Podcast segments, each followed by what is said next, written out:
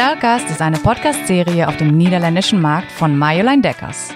Ich bin Stephanie von der Beek und ich bin heute Ihre Moderatorin für ein sehr interessantes Thema. Verkauf kann man nur einmal einen ersten Eindruck gewinnen. Für Käufer ist es also oft schwierig, das bestehende Interieur eines Hauses zu durchschauen. Was ist, wenn die Möbel von den alten Bewohnern nicht den besten Eindruck machen? Oder das Haus einfach schon leer steht? Dann gibt es die Möglichkeit, Möbel und alle dazugehörigen Wohnaccessoires zu mieten und damit das Haus wieder bewohnbar, aber auch verkaufsfertig zu machen. Möbelverleihunternehmen The Staging Company richtet sich an Stilisten, Immobilienmakler, Hauseigentümer und Investoren. Der Interieurdesigner und Homestager Rieke Rauert von Room Number One im Gespräch und wir unterhalten uns über dieses Thema. Möbel zum Verkauf mieten passiert nicht nur bei Luxushäusern und Villen, aber auch bei ganz normalen Häusern des mittleren Einkommens, aber auch für Büros und Neubauprojekte. Rike, herzlich willkommen in einem Podcast. Schön, dass du hier bist. Danke, Stefanie. Das kann ich nur zurückgeben. Äh, ich freue mich auch, heute hier zu sein und vielen Dank auch äh, für die Einladung von ähm, The Staging Company oder beziehungsweise Ron und Diana, dass ich hier sein darf und ein bisschen aus meinem Alltag berichten darf. Ja, genau, und das wollen wir machen. Wir wollen einen kurzen Einblick kriegen in deinen Alltag. Kannst du vielleicht ein kleines Intro zu dir und deinem Unternehmen geben und wie du mit der Staging Company zusammenarbeitest? Sehr gerne. Ähm, ich habe mein Unternehmen Room Number One vor ungefähr zehn Jahren in Frankfurt am Main gegründet. Und zu der Zeit äh, war es so, dass es noch der Markt äh, im Bereich Homestaging in, in Deutschland noch sehr, sehr unbesetzt war, kann man sagen. Also da war das Thema noch sehr unbekannt. Ähm, und für mich war dann schnell, stand dann schnell fest, äh, dass wenn ich eine hohe Schlagzahl an Projekten abbilden möchte, für mich eigentlich nur eine Zusammenarbeit mit Mietmöbeln, sprich mit der Staging Company, äh, in Frage kommt. Ähm, die mir einfach dann die Möbel liefern und ich so einfach in einer großen Schlagzahl Projekte abbilden kann, mhm. deutschlandweit. Mhm. Und dein Auftraggeber, ist das denn der Immobilienmakler, der dich einschaltet? Das ist ganz unterschiedlich. Das kann der Immobilienmakler sein, das kann aber auch der private Verkäufer sein, der ohne Makler verkaufen möchte, aber trotzdem sein Objekt ähm, perfekt äh, online präsentieren möchte. Das kann aber auch, bei mir sind es in der Regel zum Großteil Bauträger, die äh, mich dann beauftragen, Musterhäuser oder Musterwohnungen einzurichten. Und warum ist das dann so wichtig, dass man äh, Häuser einrichtet äh, und man sie nicht einfach leer auch fotografieren kann und verkaufen kann? Das hat ganz unterschiedliche Motivationen.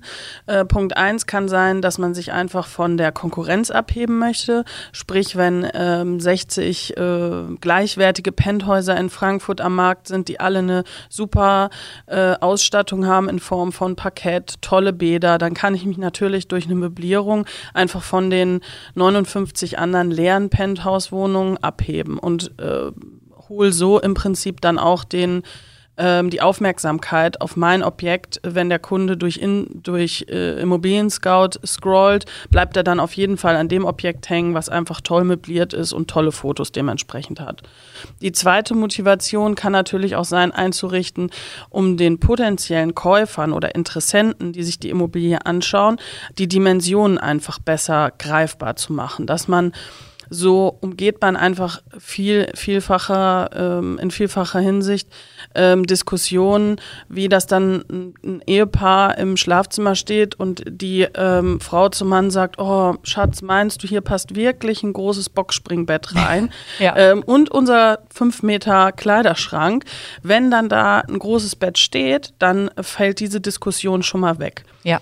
Äh, und die Kunden können sich dementsprechend auch wirklich schon vor ihrem geistigen Auge ein, da wohnen sehen. Also man suggeriert dann einfach dem Kunden, du brauchst nur noch deinen Koffer nehmen und hier einziehen und dann wohnst du genauso perfekt und so schön, wie es jetzt schon eingerichtet ist. Ja, das kann ich mir gut vorstellen. Und ist es auch so, dass man den Zweck der Räume dann besser erkennen kann? Also wenn man zum Beispiel ein Haus hat mit äh, Arbeitszimmer und Kinderzimmer, wenn das dann eingerichtet ist, kann man sich viel besser vorstellen, was der Zweck eines, eines Raumes sein kann. Exakt, genau. Ja. Also das äh, trifft jetzt ähm, eigentlich eher weniger bei einer Dreizimmerwohnung zu, wo ja klar ist, es gibt ein Schlafzimmer, es gibt ein Wohnzimmer und es gibt ein Kinderzimmer, Schrägstrich Gästezimmer. Aber bei großen Objekten, wie zum Beispiel ähm, einer Villa, die wir mal eingerichtet haben in Heidelberg, Da gab es, glaube ich, äh, über 20 Zimmer. Und spätestens nach dem zehnten Zimmer fällt einem dann auch nicht mehr ein, was man dann da noch mitmachen soll. Wenn, ja. wenn ich mir vorstelle, ich äh, schaue äh, so, so ein Objekt an, dann äh, fehlt mir natürlich irgendwann die Vorstellungskraft, was mache ich mit den ganzen Räumen. Wenn dann aber da ein Leseraum ist und ein Yogazimmer und ein Fernsehzimmer, dann ist es eine schlüssige Story im Prinzip wenn ich dann durch das Objekt gehe und sage, oh, guck mal, Schatz, hier können wir, ach ja, ich wollte schon immer eine Bibliothek haben, mhm. gute Idee. Und ah, ich wollte auch wieder mal mehr Yoga machen, dann kann ich mir hier ein Yogazimmer einrichten.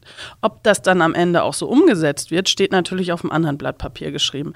Aber das ist definitiv so. Ähm, die Verkaufspsychologie, was es dann am Ende ja auch nichts anderes ist. Homestaging ist eine Art Verkaufspsychologie, die wir einfach anwenden ähm, funktioniert so, definitiv. Ja. ja. ja, Und wie, wie läuft das dann? Du hast ein Haus zugewiesen bekommen, du gehst dann dahin, du schaust dir das an, misst es aus. Erzähl mir mal, nimm mich mal mit in deinem Alltag, wie du dann eigentlich, äh, ja, wie, wie, wie das dann so weitergeht. Genau.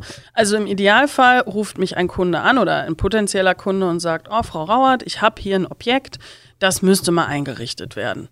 Ähm, das wollen wir jetzt verkaufen und äh, wir würden es gerne möblieren. Dann äh, fahre ich zum Kunden, schaue mir das Objekt an, höre mir natürlich auch die Geschichte an vom, von dem Haus oder der Wohnung.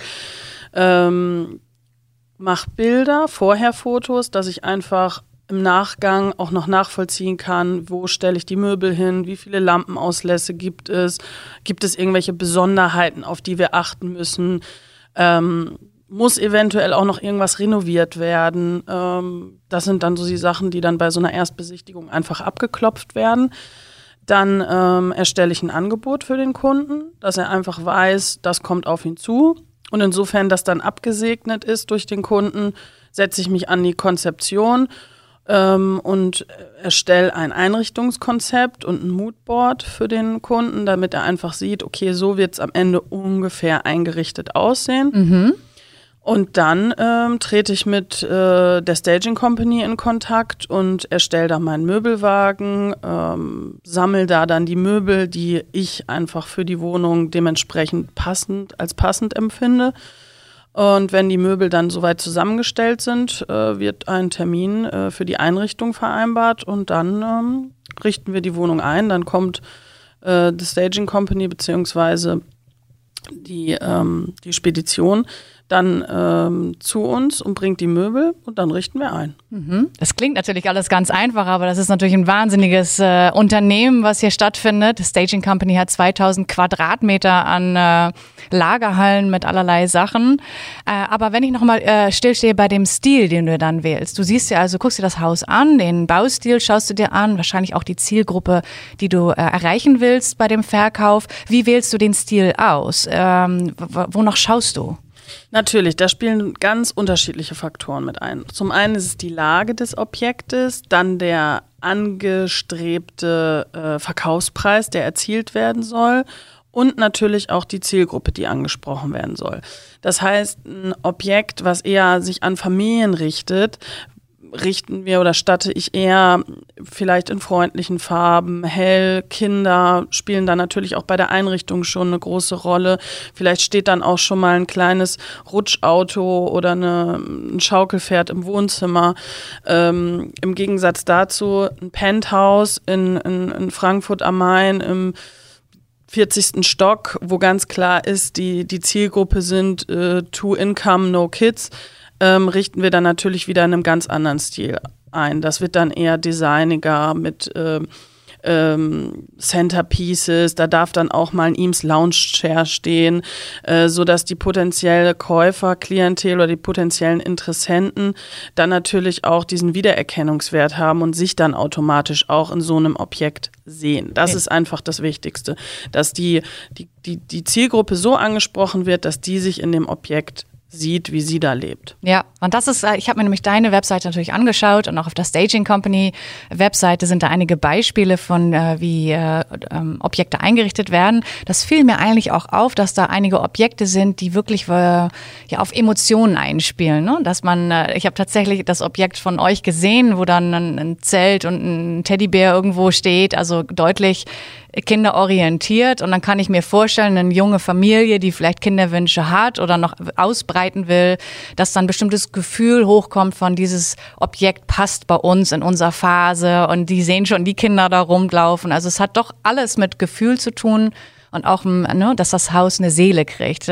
Stimmt das? Ist das ist auch so, wie du es erfährst? Ja, absolut. Also ein Hauskauf ist eine komplett emotionale Entscheidung und auch eine Bauchgefühlentscheidung. Natürlich spielen äh, finanzielle Faktoren da auch mit rein, ganz klar. Aber im Endeffekt ist es schon so, dass wir ein Wohlgefühl schaffen, dass äh, potenzielle Käufer einfach ins Objekt kommen und direkt diesen Wow-Effekt haben sollen. Also hier fühlen wir uns wohl, hier wollen wir verweilen, hier wollen wir Zeit verbringen. Und und das ist ein weiterer Vorteil vom Homestaging dass, äh, ich meine, jeder kennt das selber, wenn man irgendwie in einer leeren Wohnung steht. Ich hatte das gestern noch mit einem Kunden, wo wir eine leere Wohnung besichtigt haben. Ähm, ab einem gewissen Punkt stehst du dann einfach da, keiner weiß wohin, man hat irgendwie schnell alles gesehen.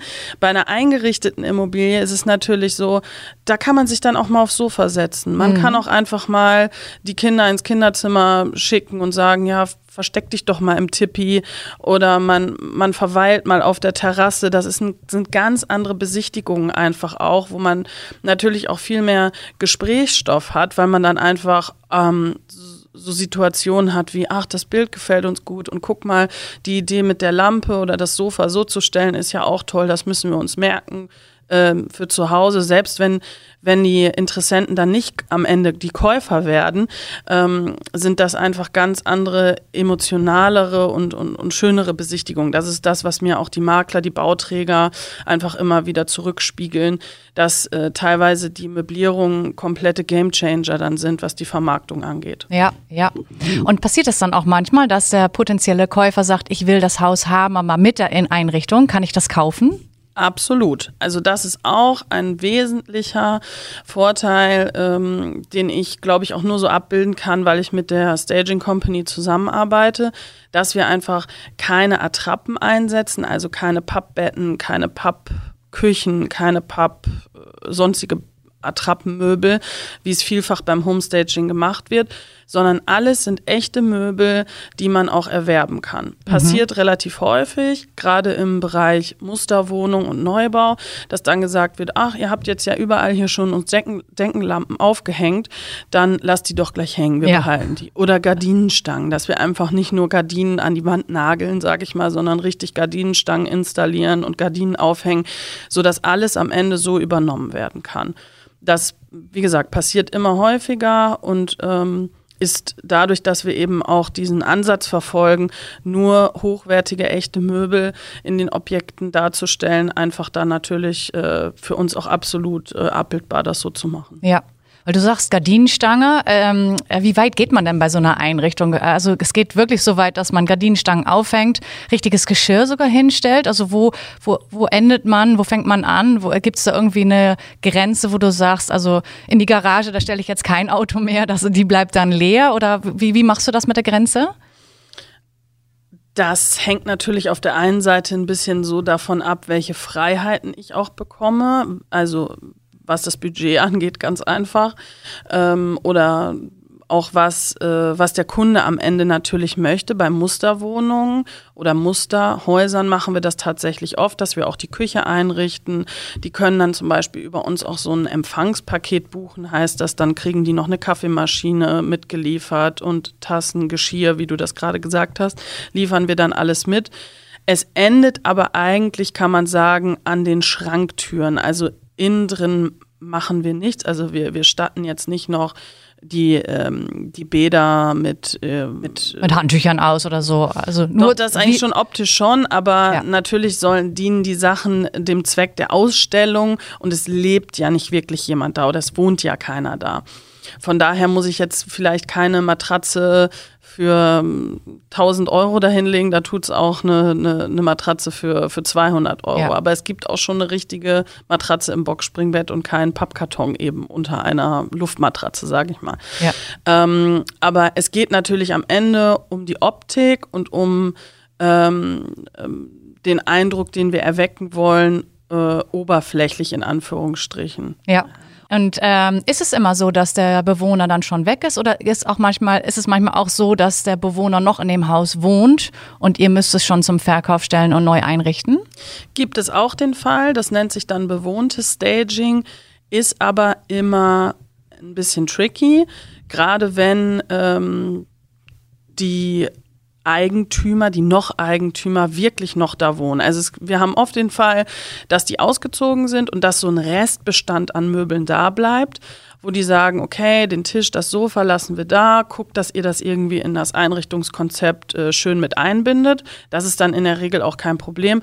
Wenn jetzt wirklich jemand noch da wohnt, dann machen wir das, äh, dann nennt sich das äh, bewohntes Staging und dann liefern wir Sachen an wie ähm, Deko, Kissen, Textilien, Rücken, auch ein paar Möbel zurecht, dass es einfach die Räume optisch äh, gut dargestellt sind. Und dann kriegt der tatsächlich der ähm, noch ein Eigentümer oder Bewohner der Immobilie, kann ja auch ein Mieter sein, so einen Leitfaden an die Hand gelegt, so was er machen muss, bevor eine Besichtigung stattfindet. Mhm, also mhm. sprich, dann kriegt, steht da wirklich so drauf, Tagesdecke übers Bett, äh, sechs Kissen drapieren, ähm, so dass wir natürlich keine keine Gap haben, also keinen Unterschied haben zwischen den Fotos, wie wir die inszenieren für ein Exposé und dem realen Erlebnis bei Besichtigung. Ja, Weil ja, das ist verstehe. ganz wichtig, weshalb die Möbel auch nicht nur für ein Fotoshooting drin bleiben. Das denken tatsächlich immer noch viele.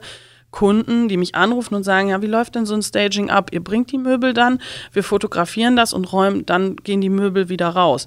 Nein, die bleiben natürlich für die gesamte Vermarktungsphase drin und werden erst ausgeräumt, wenn der Notartermin stattgefunden hat. Und da darf natürlich kein, im Idealfall sollte kein Unterschied zwischen ähm, den Fotos, wie die Immobilie sich im Internet präsentiert mhm. und wie sie dann wirklich erlebt wird, wenn Besichtigungen stattfinden, einfach ähm, da, da, also da sein. Da sollte kein Unterschied sein. Genau. Ja. Und du sagtest dann, äh, die Möbel bleiben bis zu dem Notartermin. Du weißt ja nie, wie lange das ist. Was ist so die, ähm, die gemittelte Zeit, dass ihr dann die Möbel mieten müsst? Wie lange dauert das so eine Regel? Also in der Regel, selbst jetzt, wo sich der Immobilienmarkt ein bisschen zugespitzt hat, habe ich kein Objekt gehabt, was länger als drei bis vier Monate stand. Also in der Regel sind es drei Monate, die die Möbel im Vorfeld gemietet werden müssen. Das ist einfach aufgrund äh, des logistischen Aufwands einfach so ähm, vorgegeben, sage ich mal. Also Minimum ist drei Monate. Minimum ja. ist drei Monate. Drei Monate, sonst macht das für uns logistisch keinen Sinn und ja. die Kosten, Kosten nutzen ähm, die Möbel ähm, nur für, sage ich mal, eine Woche oder zwei Wochen anzuliefern. Letztes Jahr hatten wir aber ganz oft den Fall, wir haben eingerichtet, es wurden Fotos gemacht und eine Woche später waren die Objekte verkauft und wir haben dann nach drei oder vier Wochen schon wieder ausgeräumt. Ja, ja. Ähm, und wenn du verlängern willst, das geht dann auch ganz einfach. Machst du das dann mit einem Telefonanruf oder auf der Webseite? Ich will meine Einrichtung nochmal zwei Monate verlängern oder? Exakt, genau. Ja. Also das passiert automatisch. Wenn ich nicht kündige, verlängert sich die Möbelmiete dann einfach monatlich. Ähm, und dann kriegt der Kunde einfach eine Rechnung über den weiteren ähm, Möbelmietmonat, sage ich mal. Mhm. Ähm, und das ist total unkompliziert. Ja. Ja, es hört sich sehr unkompliziert tatsächlich an. Und wie ist das dann mit Wohntrends? Wenn man mal so zurückdenkt, ein paar, vor ein paar Jahren hat äh, jeder einen, äh, äh, einen ganz normalen Tisch gehabt mit vier Ecken. Heutzutage ist natürlich oval, rund, organisch geformt, äh, total in. Kannst du auch solche Möbel, äh, die echt hot und happening sein im Moment, hier dann mieten bei der Staging Company? Absolut. Also absolut, das kann ich so mit einem ganz klaren Ja unterstreichen. Äh, ich meine, die Holländer oder Niederländer, Belgien, das sind ja immer schon Vorreiter gewesen für uns Deutsche. Also ich erinnere mich noch dran, als ich klein war, da ist meine Mutter auch mit mir immer nach Holland gefahren zum Einkaufen und da gab es die coolsten Klamotten, die coolsten Schuhe. Also die waren ja immer schon im Prinzip so so empfinde ich das ein bisschen Vorreiter. Und so ist es auch nach wie vor in den Einrichtungsthemen, habe ich den Eindruck. Mm, wir arbeiten ja viel oder die Staging Company arbeitet ja viel mit äh, niederländischen, belgischen Herstellern zusammen, ähm, die ganz klar ein viel größeres Potenzial haben, Trends zu erkennen und auch schon viel früher das abbilden können. Also das ist absolut auch wichtig. Das wollen meine Kunden auch einfach, die durch West Wing letztendlich ähm, ist es schon so, dass viele Kunden auch zu mir sagen, wir wollen genau den Style und Ja. diesen Stil oder wir wollen den West Wing Style, den es ja eigentlich nicht gibt. Trotzdem ist das vielfach gefragt und das kann ich so natürlich perfekt abbilden, einfach durch die Möbel. mh, Dadurch, dass ähm, Ron und Diana äh, immer auf dem neuesten Stand sind und die Staging Company immer eigentlich ähm, oder wir, würde ich sagen, zusammen, gemeinsam einfach auch Trendsetter sind Ja. ähm, im Staging-Bereich. Das muss ich ganz klar sagen. Also wir haben schon oft äh, Stagings realisiert, zusammen mit der Staging Company, die dann wirklich maßgebend waren, wo man dann gemerkt hat, okay, ähm, da, da hängen sich andere dran oder oder oder ähm, dieser, das ist einfach Trend, trendgebend, Ja. das, was wir da eingerichtet Ich kann das nur bestätigen. Ich bin selber Deutsche, aber ich wohne in Holland und sehe tatsächlich auch den Unterschied. Und äh, da sind die Holländer sehr stark drin. Also und die Staging Company ist ja in Sittard an der holländischen Grenze. Und äh, das hat äh, sicherlich äh, einen modernen Touch und kriegt den ganzen, äh, ja, äh, den, den ganzen neuen Trends hier gut mit. Und wie funktioniert das dann mit der Zusammenarbeit? Also du hast äh, ein Online-Profil und da kannst du dir von, von einem Sofa bis zum Teppich bis zur Gabel alles anklicken oder wie funktioniert sowas? Exakt. Du kannst dir das eigentlich vorstellen wie ein Online-Shop, bloß dass du erstellst einen Warenkorb, der aber bei der Staging Company Möbelwagen heißt. Und anstatt dass du am Ende siehst, was kostet ein Teil im Kauf, sehe ich den monatlichen Mietpreis. Das heißt, ich sammle wirklich von der Gabel über Kissen, Gardinen, ähm, Teppiche, Tische, Stühle, alles, was du dir vorstellen kannst, sammle ich in diesen Möbelwagen für ein Objekt. Da kann ich dann noch Räume unterteilen, dass ich sage, im Wohnzimmer, äh, im Badezimmer leg einzelne Räume an und unterm Strich sehe ich dann den monatlichen Mietpreis. Das heißt, ähm, so laufe ich auch nicht Gefahr, dass ich mein Budget überreize oder dass ich einfach äh, am Ende dann keinen Überblick habe, sondern das ist total übersichtlich gemacht, dass ich einfach genau ähm, mein monatliches Mietbudget im Blick behalten kann und ähm, die Sachen einfach wie in einem Warenkorb bei einem Online-Shop da sammeln kann. Ja, und kannst du auch Arbeit einkaufen, dass sie äh, die Gardinen montieren und dass sie alles, äh, ähm, die Möbel reinbringen und auspacken? Ja, Ja, natürlich. Also ja. das ist alles mit inbegriffen. Da kann ich dann, ähm, was ich denke, wie viele Stunden ich brauche für äh, Lampenmontage, Gardinenmontage, das kann man ja schon nach einem gewissen, nach einer gewissen langjährigen Erfahrung auch einfach so ein bisschen abschätzen, wie lange es dauert, zehn Lampen zu montieren. Ähm, dann kaufe ich das auch einfach diese Arbeitsstunden im Prinzip mit ein. Und äh, die Möbel werden zum Objekt geliefert, egal wo das ist in Deutschland. Wir machen ja auch Musterhäuser, Wohnungen in Hamburg, in Leipzig, in Köln, in, in München. Und egal wo es ist, ähm, liefern die mir die Möbel bis ans Objekt, tragen das natürlich rein, bauen alles auf. Also alle Möbel werden montiert, genau da platziert, wo ich sie gerne stehen haben möchte. Und äh, mit der Montage von Bildern, Gardinen, Lampen und Co. läuft das dann genauso. Ja, Wahnsinn. Was mich jetzt also auch noch interessiert, du machst das natürlich alles, weil du einen höheren Verkaufspreis erzielen willst. Ist das ein bisschen messbar, ähm, was der Verkauf dann mehr bringt, wenn du diesen ganzen Aufwand betrieben hast? Das ist natürlich messbar insofern, dass ich dann die Rückmeldung bekomme. Also messbar musst du ja erstmal überlegen, wie messbar. Messbar in Schnelligkeit, messbar in monetären Ausschüttungen. Also es kann ja in unterschiedlicher Weise dann Erfolg sein. Wenn wir ein Objekt haben, was beispielsweise sechs Monate über einen anderen oder über einen Makler angeboten wurde, der das nicht gestaged hat und der das mit eigengeschossenen Handyfotos ähm, ähm, im Internet präsentiert hat, dann ist es für uns natürlich schwierig, weil das Objekt ist schon so ein bisschen verbrannt, dadurch, dass das so lange im Internet rumgeschwirrt ähm, ist, sage ich mal.